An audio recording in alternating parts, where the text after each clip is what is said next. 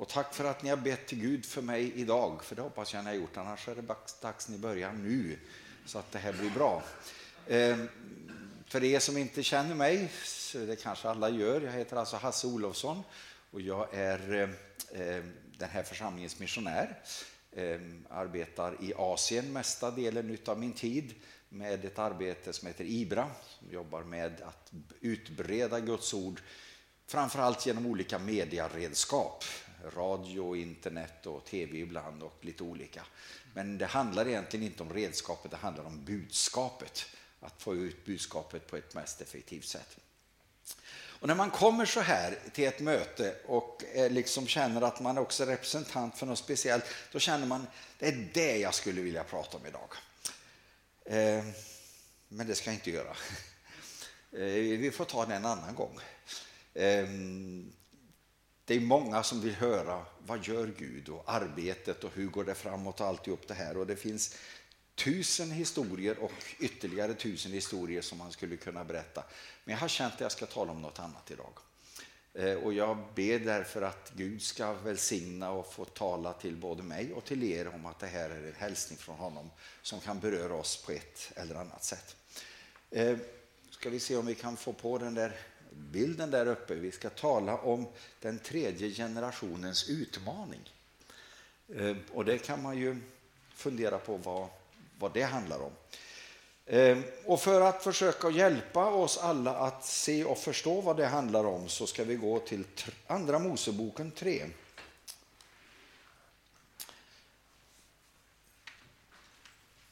Andra Moseboken 3 och vi kan läsa de sex första verserna där. Och så läser vi också 15 och 16 versen. En gång när Mose vaktade fåren åt sin svärfar Jetro, prästen i Midjan, drev han dem till andra sidan öknen och kom till Guds berg Horeb. Det visade sig Herrens ängel för honom i en eldslåga som slog upp ur en törnbuske. När Mose såg att busken stod i låga utan att brinna upp tänkte han, vilken märklig syn. Jag måste gå dit och se varför busken inte brinner upp. Då Herren såg att han gick för att se efter ropade Gud till honom i törnbusken, Mose, Mose. Han svarade, ja, här är jag.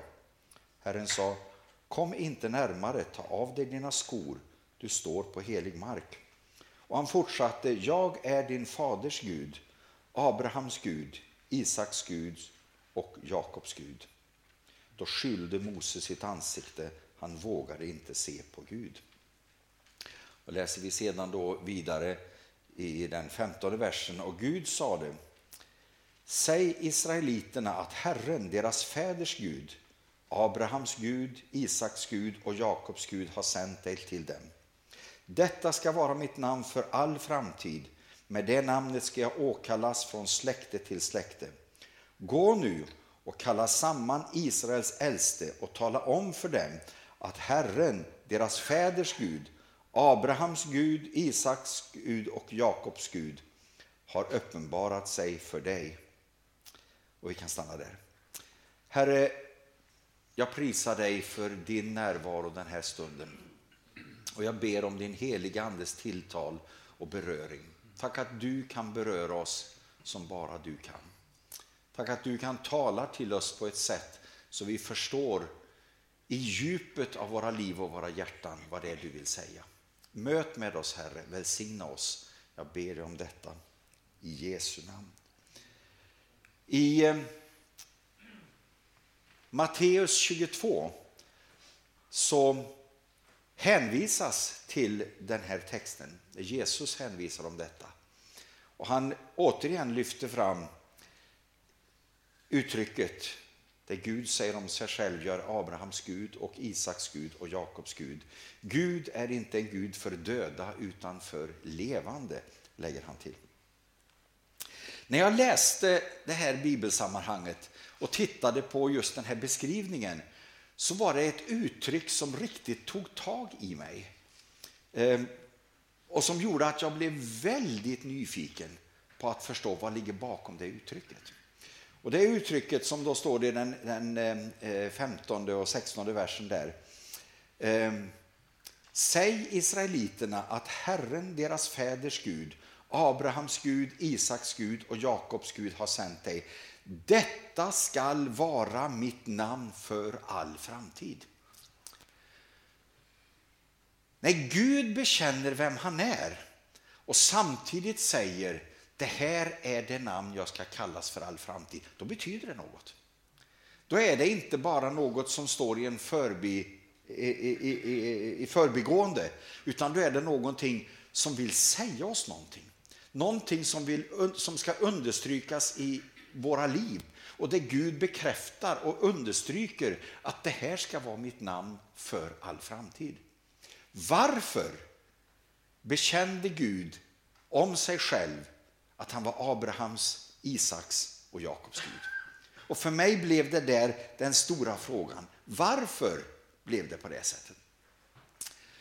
Och när jag började tänka över det här så tänker jag, man kanske behöver titta lite på vem var Abraham? Vem var Isak? Vem var Jakob? För att förstå.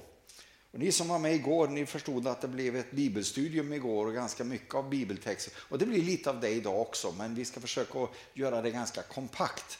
Så att jag säger samma sak som jag säger igår. Skriv gärna ner bibelorden och så går ni tillbaka och läser så ni kan få sammanhanget och läsa mer utav det. Jag älskar läsare.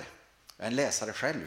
Eh, jag läser Bibeln, jag läser nästan allt jag kommer över, så jag läser mycket. Vi behöver läsa, vi behöver ta del, vi behöver hämta in mer information och inte bara ta den information som ges framifrån här i förkunnelse. Eh, vi tittar lite på de olika pionjärerna. Eh, om vi tittar på Abraham så var ju han, det som karaktäriserar Abraham var just att han var pionjär. Han kallades ut från sitt rike där han fanns. Han eh, eh, utmanades att gå eh, till ett land som Gud skulle visa honom. En ganska diffus kallelse kan man ju tycka. Det vore enklare att säga du ska gå dit och dit och här har du kompassen eller här har du koordinaterna, här har du GPSen och så går du dit och där, där ska jag visa vad du ska göra. Istället får han gå med en viss diffus instruktion. Gå och jag ska visa dig vart du ska gå det kan ju vara knepigt. Man kan ju gå åt fel håll. Man kan ju börja gå åt Indien och så insåg man att man skulle gå åt Mellanöstern istället. Det, ju, det kan ju bli fel. Eh, men han gick i tro på att det löftet han hade fått var något som Gud skulle uppfylla. Eh, och när vi läser om honom, och jag, jag, citerar så att säga bara det här för att inte gå in och läsa alla de här texterna. Vi känner ju till den här texten skulle jag tro. Framförallt det här speciella tilltalet, jag ska göra dig till ett stort folk. Jag ska välsigna dig och göra ditt namn så stort att det ska brukas när man välsignar. Eh, vi talar ju ibland om den abrahamitiska välsignelsen och vi talar ibland om den aronitiska välsignelsen. Det finns sådana där välsignelser som på olika sätt lever kvar, som innehåller ett gudslöfte som är någonting för oss till att ta till oss och växa och utvecklas genom. Eh, Romarbrevet skriver om det här och Paulus han talar om att Abraham skulle bli en far till alla oomskurna som tror så att dessa räknas som rättfärdiga. Han skulle också bli far till de omskurna, för de som inte bara är omskurna utan också följer trons väg. Den som vår fader Abraham vandrade redan innan han blev omskuren. Och det där är ju ganska intressant. Abraham var ju en trons apostel, en trons pionjär. Han gick i tro, han handlade i tro utan att egentligen veta riktigt vad det skulle vara. Och under den här resans gång så har han ju, får, blir hans namn ändrat. Han hette ju inte Abraham först, han hette Abram. Men Gud ändrade hans namn till Abraham som betyder fader till många. Och det var ju ganska intressant för en som var barnlös att kallas fader till många. Och han, jag kan ju tänka mig i en kultur där namnet betydde allting att detta var problematiskt. Ja, hej, vad heter du? Ja, jag heter Abraham. Ja, men vad trevligt, var är dina barn? Mm, ja, jag har inga än. Ja, men varför kallar du dig Abraham då?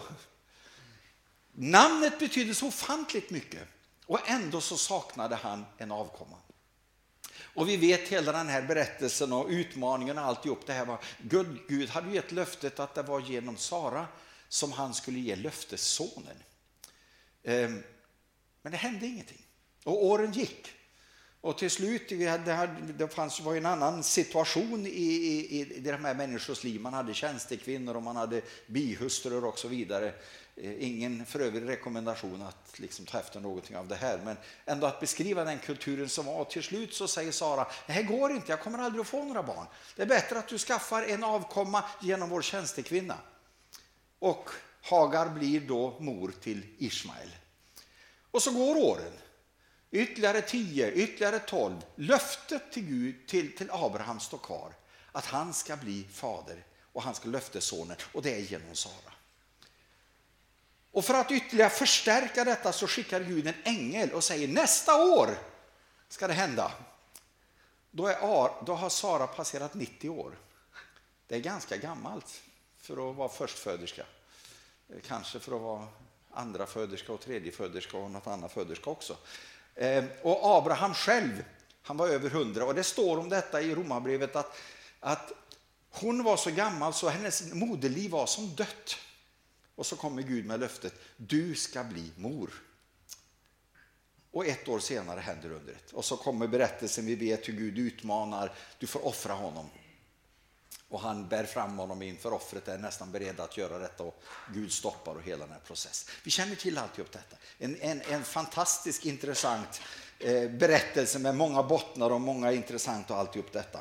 Men på något sätt så börjar allting med Abraham, pionjären, han som gick före, han som banade väg. Han som också Gud själv säger, jag är Abrahams Gud. Jag är Abrahams Gud. Det intressanta är att Abraham blir en stamfader både för dig och mig. Både för hedningar och judar. För både omskurna och oomskurna, stod det i Romarbrevet som vi läste. Han blir en fader till alla folk och han blir en förebild för tron. Att det handlar om tron och han blir därmed också en förebild för det som skulle bli trons folk. Folket som gick i tron på att Gud är den som är med dem. Jag tycker det är fascinerande. Ehm, den som vår fader han vandrade trons väg redan innan han blev omskuren. Han gick vägen och han förstod vad det var. Men Abraham var inget folk. Han hade fått löfte om att bli ett folk, men han var inget folk. Abraham fick se två söner. Löftessonen var en och man kan ju inte säga att även om det är en avkomma så är det, var det ju ändå inget folk. Det var en person. Om vi då går vidare och så tittar vi på nästa i den här tre, eh, trenamnsbekännelsen om Isak, löftessonen. Den genom vilken Guds plan skulle föras vidare. Han som bar ansvaret för fortsättningen på den kallelse som hans far Abraham fick. Eh, Isak karaktäriseras väldigt mycket av att vara just löftesson, av att vara arvingen av att vara efterföljaren, den som skulle föra buds, eh, budskapet eller uppdraget vidare. Det blev väldigt mycket hans karaktär, det blev väldigt mycket den bild på vilket sätt han skulle fungera. Han hade ett stark plikttrohet, ett starkt ansvar. Eh, han såg sig som förvaltare av ett uppdrag. Eh, det är ganska intressant det står i, i, i Första Mosebok 26 och 18, det står inte här men du kan gärna eh, skriva, skriva ner det. Så står det bland annat om de konflikterna som fanns på den här tiden eh, i landet och om eh, motsättningarna mot filisterna, alltså de är ju föregångare till dagens palestinier. Så det är liksom ingen ny konflikt mellan palestinier och israeler utan den har funnits genom århundraden. Eh, och det står att Filisterna hade grävt igen eller fyllt igen eh, brunnarna som fader Abraham hade grävt. Eh, förstört för att man inte skulle kunna få vatten. Och då står det om Isak att han grävde upp de brunnar som filisterna, alltså han tog upp alltihop det här de har kastat ner. Och jag tänkte ibland när jag läste, varför grävde han inte egna brunnar? Varför skulle han gräva upp de andra? Han kunde ju liksom tagit sin egen, men det var på något sätt Isaks profil. Han var förvaltaren. Han såg sig som förvaltaren och därför i hans iver handlade det om att förvalta den kallelse och det uppdrag hans far hade fått. Han var den som skulle hjälpa till att föra det vidare. Men Isak hade också precis samma kallelse och tilltal som fader Abraham. Det var inte så att Abraham fick löftet och de andra fick liksom haka på. De fick samma kallelse och de fick samma löfte. Och vi läser om det i, i, i verserna som vi ser på, eh, på väggen här. Åt dig och dina ättlingar ska jag ge alla dessa länder. Jag ska uppfylla det löfte som jag med ed gav din fader Abraham. Jag ska göra dina ättlingar talrika som stjärnorna på himlen. Och alla folk på jorden ska önska sig den välsignelse som dina ättlingar har fått. Samma kallelse, samma löfte, samma understrykande av Gud om välsignelser som ska kunna leda till välsignelse också för Isak. Isak kännetecknas av att vara mellangenerationen, den som fått ärva, den som ska förvalta. Han omfattades av samma kallelse, han omfattades av samma uppdrag, men han var heller inget folk. Isak fick två söner, tvillingar. Åtminstone i det första skedet, som sen fanns det ju fler som kom, men just primärt man talar om detta. Han var inget folk, han blev inget folk på det sättet. Och så har vi då den tredje, Jakob. När jag, när jag funderar på vad ska man kalla Jakob? Alltså Abraham pionjären, eh, Isak förvaltaren, Jakob jag jobbade mycket med det där. Vad ska jag kalla honom? Jag kallar honom till slut sökanden. Egentligen kunde man lika gärna skriva Strulpelle. Det var egentligen ingen sympatisk person, Jakob. Ganska så... Alltså det, det är ju, han är ju tvillingbror till Esau. Esau föds först. Och när han kommer ur moderlivet så kommer Jakob direkt efteråt och det står att han håller handen om sin brors fot när han kommer ut. Så han, han vill ju egentligen först känns det som redan där, men han blev lite efteråt. Och hela hans liv är egentligen fyllt av olika typer av lurendrejerier. Eh, han, eh, han är upptagen med det här att han kom efter. Någon slags mindervärldskomplex eller lillebrorskomplex eller vad man nu ska eh, definiera när man kommer någon sekund efteråt. Jag vet inte. Men någonstans av det här, han ville ha det Esau av rätt skulle få. Han ville få den välsignelse som den förstfödde skulle få. Han ville få uppleva det och ha den, den här rätten som den förstfödde hade. Och detta verkar uppta hans intresse i, ett, i, i hela tiden. Hans tankar rör sig bara i det här. Och så kommer det ett tillfälle när eh, broder Esa är hungrig och eh, Jakob han har en hel del extra mat. Ja, du kan få lite mat, men på ett villkor. Om jag får förstfödslorädseln så ska du få den här linssoppan. Och så säljer då Esau sin förstfödslorätt till sin bror Jakob därför att han var hungrig. kan man ju också fundera på hur man kan göra en sån grej, men det är en annan sak. Han, var liksom, han ville till varje pris ha det där och hur han fick det var inte så noga. Det kunde vara lite genvägar och lite olika lurendrejeri, bara han fick det. Han liksom drevs av det där. Och senare när han då man skulle få välsignelsen, när den äldste sonen skulle få välsignelse mot slutet av fader Isaks liv där han var blind och inte riktigt kunde se. Då kliver eh, eh, Jakob in i bilden han, eh, på olika sätt så förklär han sig så att Esau, hans bror, var luden medan Jakob var slät. Så han, han sätter på sig lite fårpäls på, på armarna och går in till hans fader som tycker att det är någonting som inte stämmer här. Det låter ju inte som, som Esau det här, men han känner fram, men känn det är jag. Och så lurar Jakob till sig välsignelsen från fader Abraham. Och det här får ju enorma konsekvenser slutar ju med att Jakob får fly för sitt liv för Esau. Han tänker döda honom på grund av att han har stulit så att säga, välsignelsen som betydde allt. Det är en ganska osympatisk människa egentligen. Karaktären är liksom inte den där yes, jag vill bli som Jakob. I varje fall inte i det här skedet. Och så går det vidare och det, är liksom, det fortsätter det här. Och det, det finns ett uttryck på engelska som säger what goes around comes around. Vad du sår får du skörda skulle vi säga. Och inte bara att han lurar, han blev lurad själv också. Han liksom tar tjänst hos Laban för att jobba där för han har hittat en fantastisk kvinna. Hon är så vacker. Han ska gifta sig med henne. Det är, alltså, hon är så underbar. Och Laban säger, ja du får jobba sju år för mig, då ska du få gifta dig med henne. Så gör han. Och så är det dags då för bröllopet och han ska få möta denna underbara Rakel. Han ska få gifta sig med henne. Och så visar det sig att fader Laban har kört, kört in Lea, alltså den äldre systern som inte var vacker och som ingen ville ha. Vilken nitlott alltså. Det var på något sätt payback time. Du får tillbaka det du har sått. Ja, han jobbar sju år till för han vill väldigt gärna ha Rakel och så småningom så får han ju henne. Och man har hela den här bakgrunden.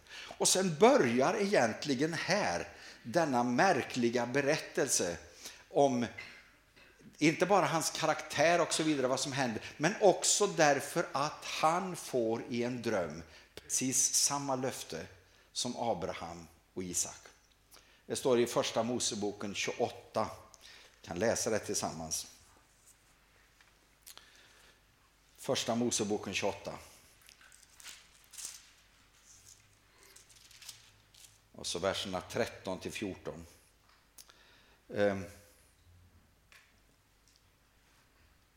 Jakob kom fram till en plats där han stannade för natten eftersom solen hade gått ner. Han tog en av stenarna på platsen för att ha den vid huvudgärden, sedan la han sig för att sova där. I drömmen såg han en trappa som ledde från jorden ända upp till himlen och Guds änglar gick upp och ner för den. Och Herren stod framför honom och sa, jag är Herren, din fader Abrahams Gud och Isaks Gud. Marken som du ligger på ska jag ge åt dig och dina ättlingar. Du ska bli som stoftkornen på jorden och du ska utbreda dig åt väster och öster, åt norr och söder. Och alla folk på jorden ska önska sig den välsignelse som du och dina ättlingar har fått. Och jag ska vara med dig och jag ska skydda dig vart än du går och så vidare och så vidare. Samma löfte till Jakob.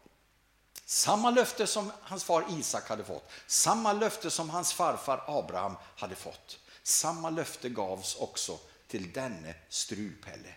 Trots alla hans tvivelaktiga åtgärder och insatser i olika delar av sitt liv.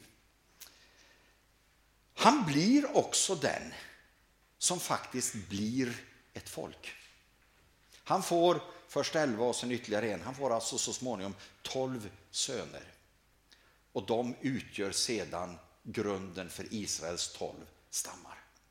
Så han blir verkligen den som får se uppfyllelsen av profetian och löftet som gavs hans farfar och hans far. Han, strulpellen, tvivelaktiga karaktären, han fick bli den som var. Men det gick ju liksom inte per automatik. Det hände ju någonting så att säga på vägen, eh, på vägen dit också. Det står ju om, om eh, Eh, honom att när han så småningom inser att han behöver försonas med sin bror Esau och han går ut för att möta honom. Eh, Esau går också ut för att möta honom med, med, vapen och med en armé och på något sätt ska han eh, eh, liksom göra upp nu. Nu är, det, nu är det dags att göra upp. Men i den där resan så blir Jakob kvar på andra sidan en flod medan folket går före. Han stannar där och det händer någonting märkligt på den i det här sammanhanget. Och det står om det då i det första Moseboken 32. Kampen, när han kommer fram till eh, händelsen, eh, en brottningskamp, någonting händer under natten och han blir i en kamp med någon person.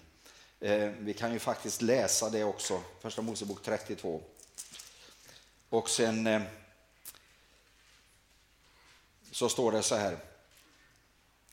Jakob blev ensam kvar och brottades med en man tills dagen grydde.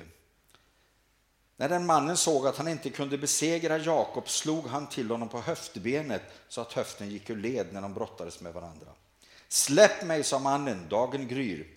Men Jakob svarade, jag släpper dig inte förrän du välsignar mig. Han frågade honom, vad är ditt namn?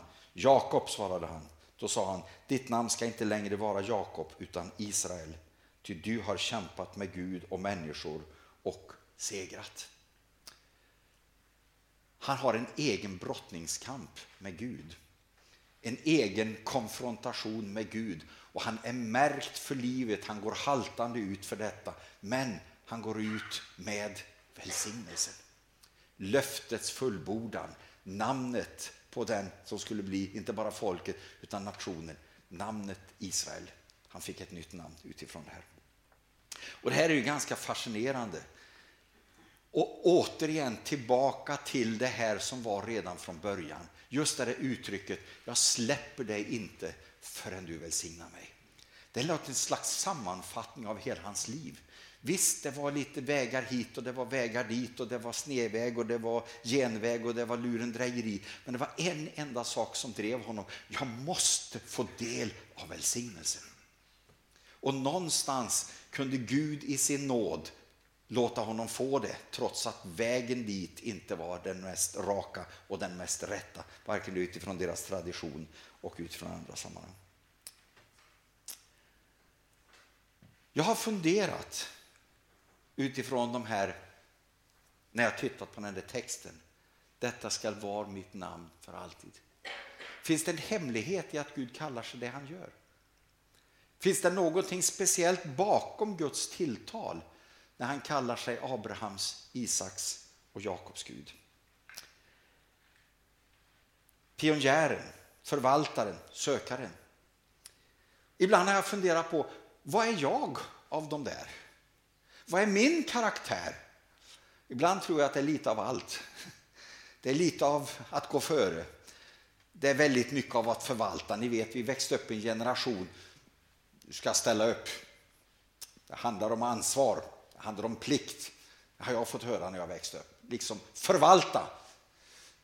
Det är liksom, man triggas inte igång av det där utan det är liksom pliktkänslan som då liksom får ta överhanden och så får man försöka att förvalta så gott det går. Men vänd dig till den yngre generationen idag och säg det handlar om förvaltarskap. Det gör inte någon särskilt upphetsad i Guds rike. Jag tycker, vadå, jag gör väl som jag vill eller jag tänker som jag vill. Man är en annan generation. Vi har i församlingar ofta problem med det här. Därför att vi är så olika, tror vi. Fast någonstans är vi lite av allt, var och en av oss.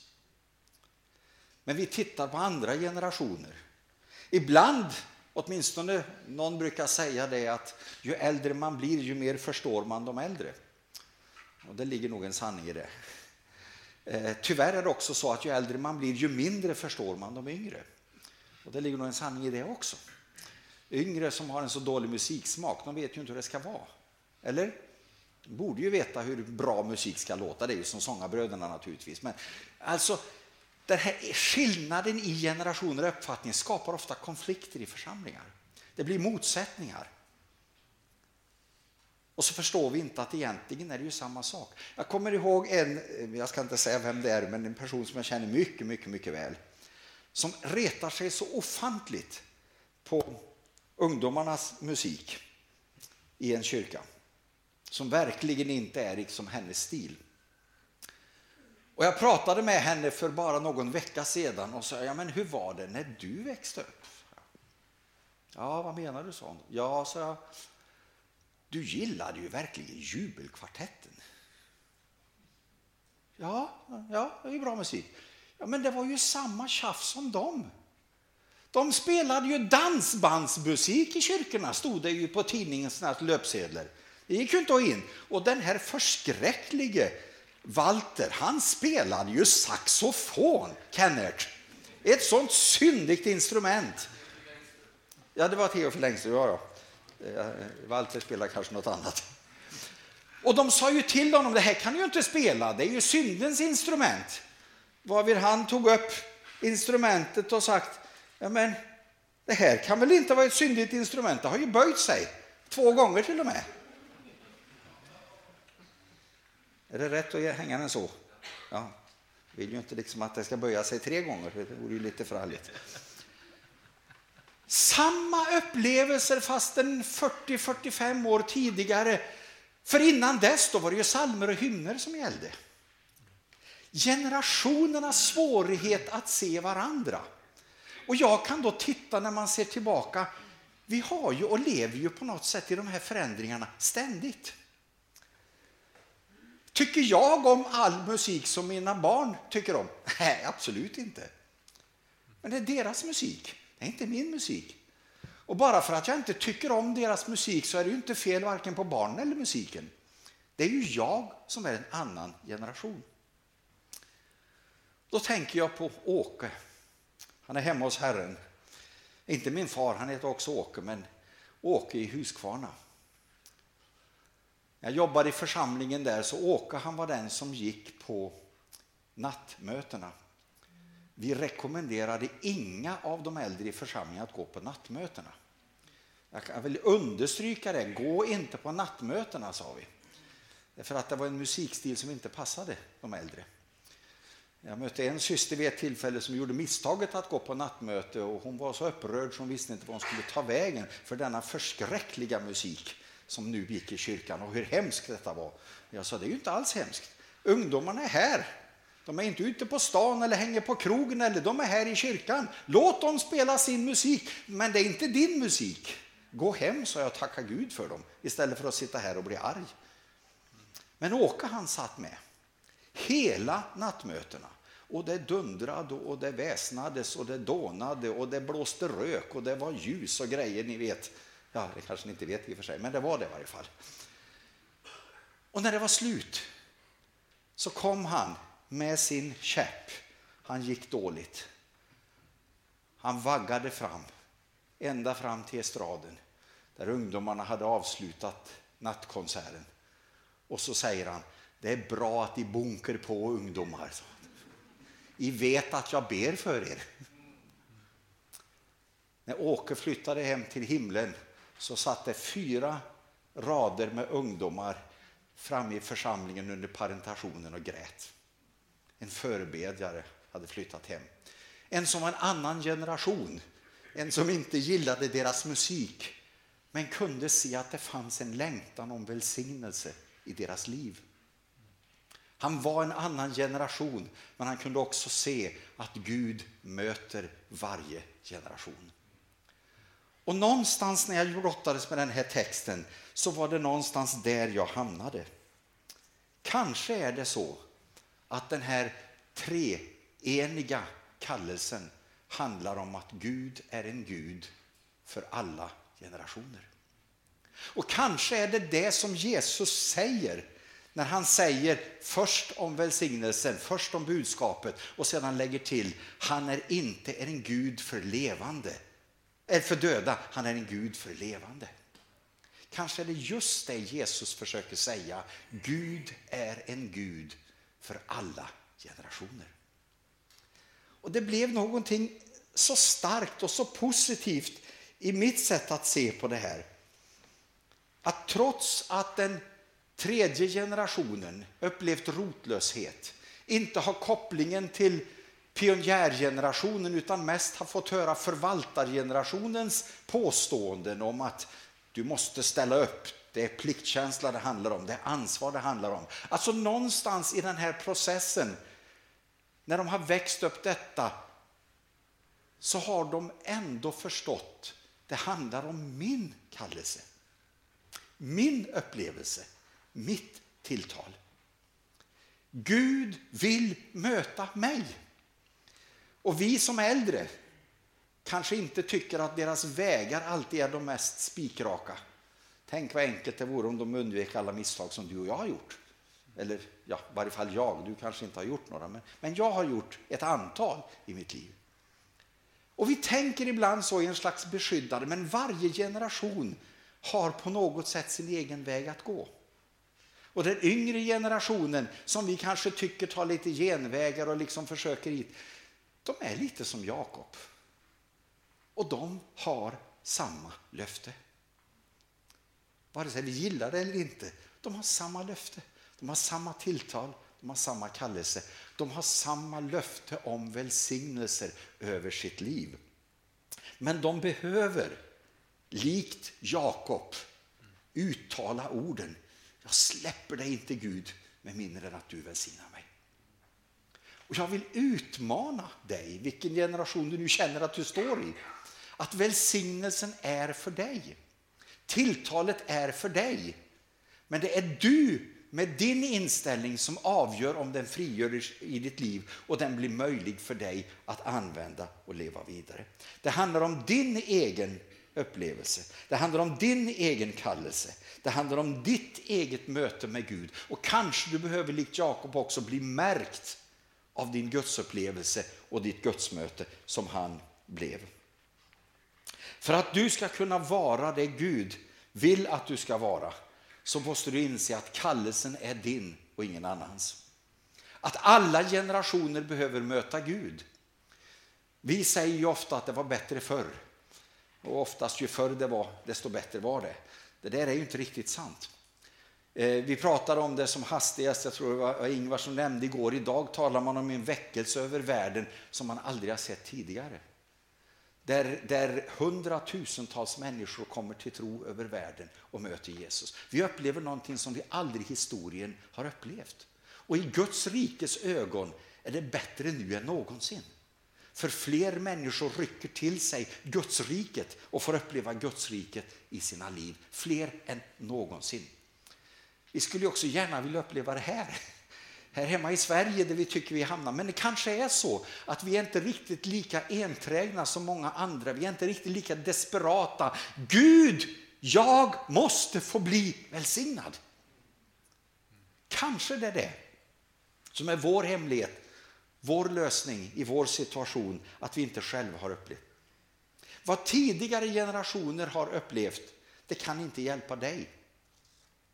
Det är en lärdom, men det hjälper dig inte. Hur välsignad din far eller farfar var i ett andligt hänseende så har du inte ärvt välsignelsen, men du har ärvt löftet. Men du kan få uppleva välsignelsen. Och den vill Gud ge till dig. Det handlar om dig. Det handlar om du som en nyckel för att Guds verk, Guds verk ska kunna växa och utbredas. Det handlar om att du själv står i en beroendeställning till Gud och han vill välsigna dig. Oavsett ålder, oavsett generation, oavsett bakgrund. Gud vill använda dig till välsignelse och han vill välsigna dig. Ska vi be tillsammans? Herre, jag prisar dig för din nåd. Tack att du är verksam genom ditt eget ord i och genom våra liv. Tack för bibelordet som lär oss och visar oss vägen var vi ska gå och hur vi ska gå framåt. Och som lär oss också att du är en Gud för levande. Du är inte en Gud som tillhör det förgångna. Du är en Gud för alla generationer. Den som nu är och den som ska komma och den som har varit. Du är av evighet och till evighet. Du har alltid funnits, du kommer alltid att finnas. Medan vi förgås, medan våra liv upphör, så är du av evighet. Men du vill låta oss få del av den välsignelsen, del av det löftet, bara vi söker dig. Tack att ditt ord säger att om vi nalkas dig så nalkas du oss.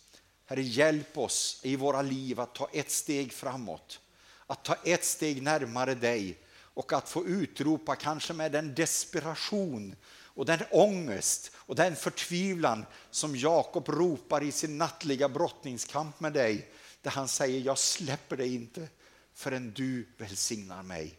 Herre, låt oss få uppleva din välsignelse här och nu. I Jesu namn vi ber. Amen.